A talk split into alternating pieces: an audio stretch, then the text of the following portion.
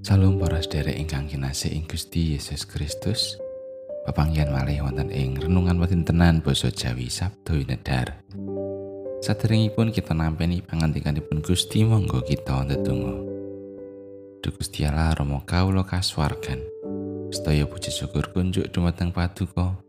Awit sakadhahing berkah pangrimat Paduka ing gesang kawula. Sakmenika Gusti manah kawula sampun sumadyo badhe nampeni Sabtu Paduka ingkang suci. Sumangga roh Tuhan ingkang suci ingkang paring pepadang. Satemah kawula kasagetaken mangertosi menapa ingkang padha kersakaken lan kawula tindakaken. Tasih kathah dosa kalepatan kawula ing ngarsa paduka Gusti. Mugi paduka kersa ngapunteni. Sedaya panyuwunan kawula menika kawula unjukaken nambaran asma dalem Gusti Yesus Kristus. Amin.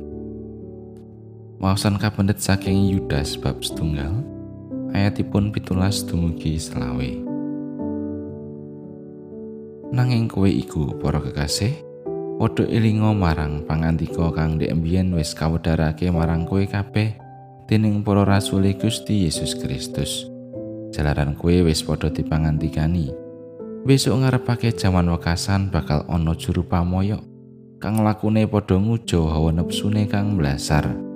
Wong iku kang padha njelari cecongkrahan kang mung dikuasani dening pepinginan-pepinginan ing donya iki. Lan uripe ora kadunungan roh suci. Nanging kowe para kekasih padha mbanguno awakmu dhewe. Kadasarana pracayamu kang suci pinunjul. Sarta ndedonga ana ing patunggilane sang roh suci. Padha rumaksa marang awakmu dhewe mangkono. Ana ing sajroning siye Gusti Allah kalawan nganti-anti marang sih rahmate Gusti kita Yesus Kristus tumuju ing urip langgeng. Welasana wong-wong kang isih mangu-mangu, wong iku padha entasno srana karebut saka ing geni. Nanging ketokno welas asihmu kekantenan wedi uga marang wong liya. Sarta padha sengita marang sandangane wong-wong kang kajembarake dening pepinginan-pepinginan daging. Panjenengane kang kuwasa ngreksa marang kowe kabeh supaya padha ora kesandung sarta merenahake kowe kalawan tanpa cacat ana ing ngarsaning kamulyane kanthi sukarno Gusti Allah kang sawiji pamarto kita marga dening Gusti Yesus Kristus Gusti kita iku kang sayugya kagungan kamulyan kaluhuran kasantosan sarta pangawaos sadurunge dumadine jaman lan saiki sarta nganti salawase. Amin mangkatan pangandikanipun Gusti ayat nat saking ayat kalih dosa. Nanging kowe para kekasih, padha mbanguno awakmu dhewe.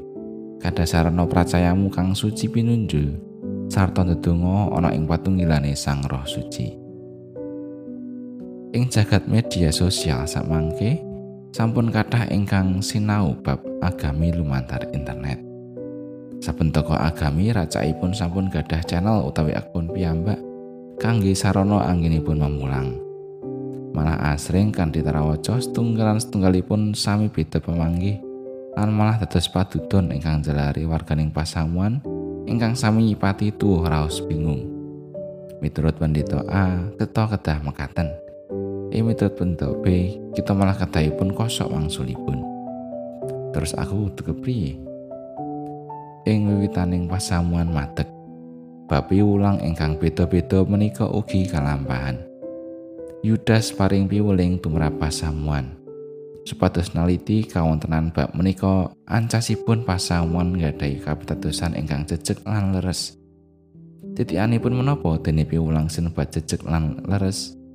Inggih menika piwulang ingkang boten jelari cecongkrahan, ingkang tuwuh saking pikajeng lan namung ujo nepsunipun piyambak.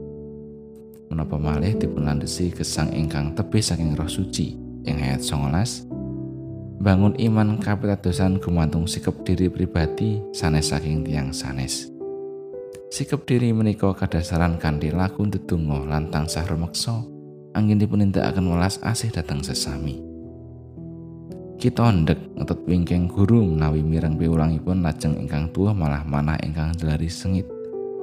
Guru ingkang sejati mulang kita bab nggadahi welas asih sang saya lebet tansah gesang ing pirupun so sami dene ngapunteni wekdal-wekdal kita nenggo rawuhipun Gusti menika.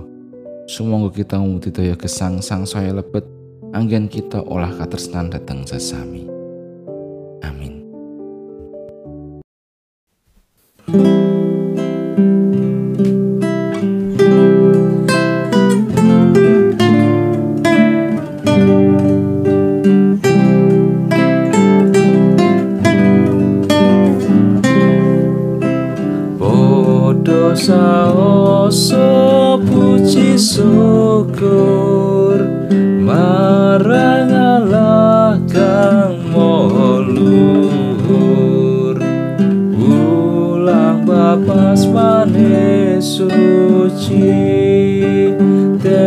kelar no aneng bumi bahwa sanetisu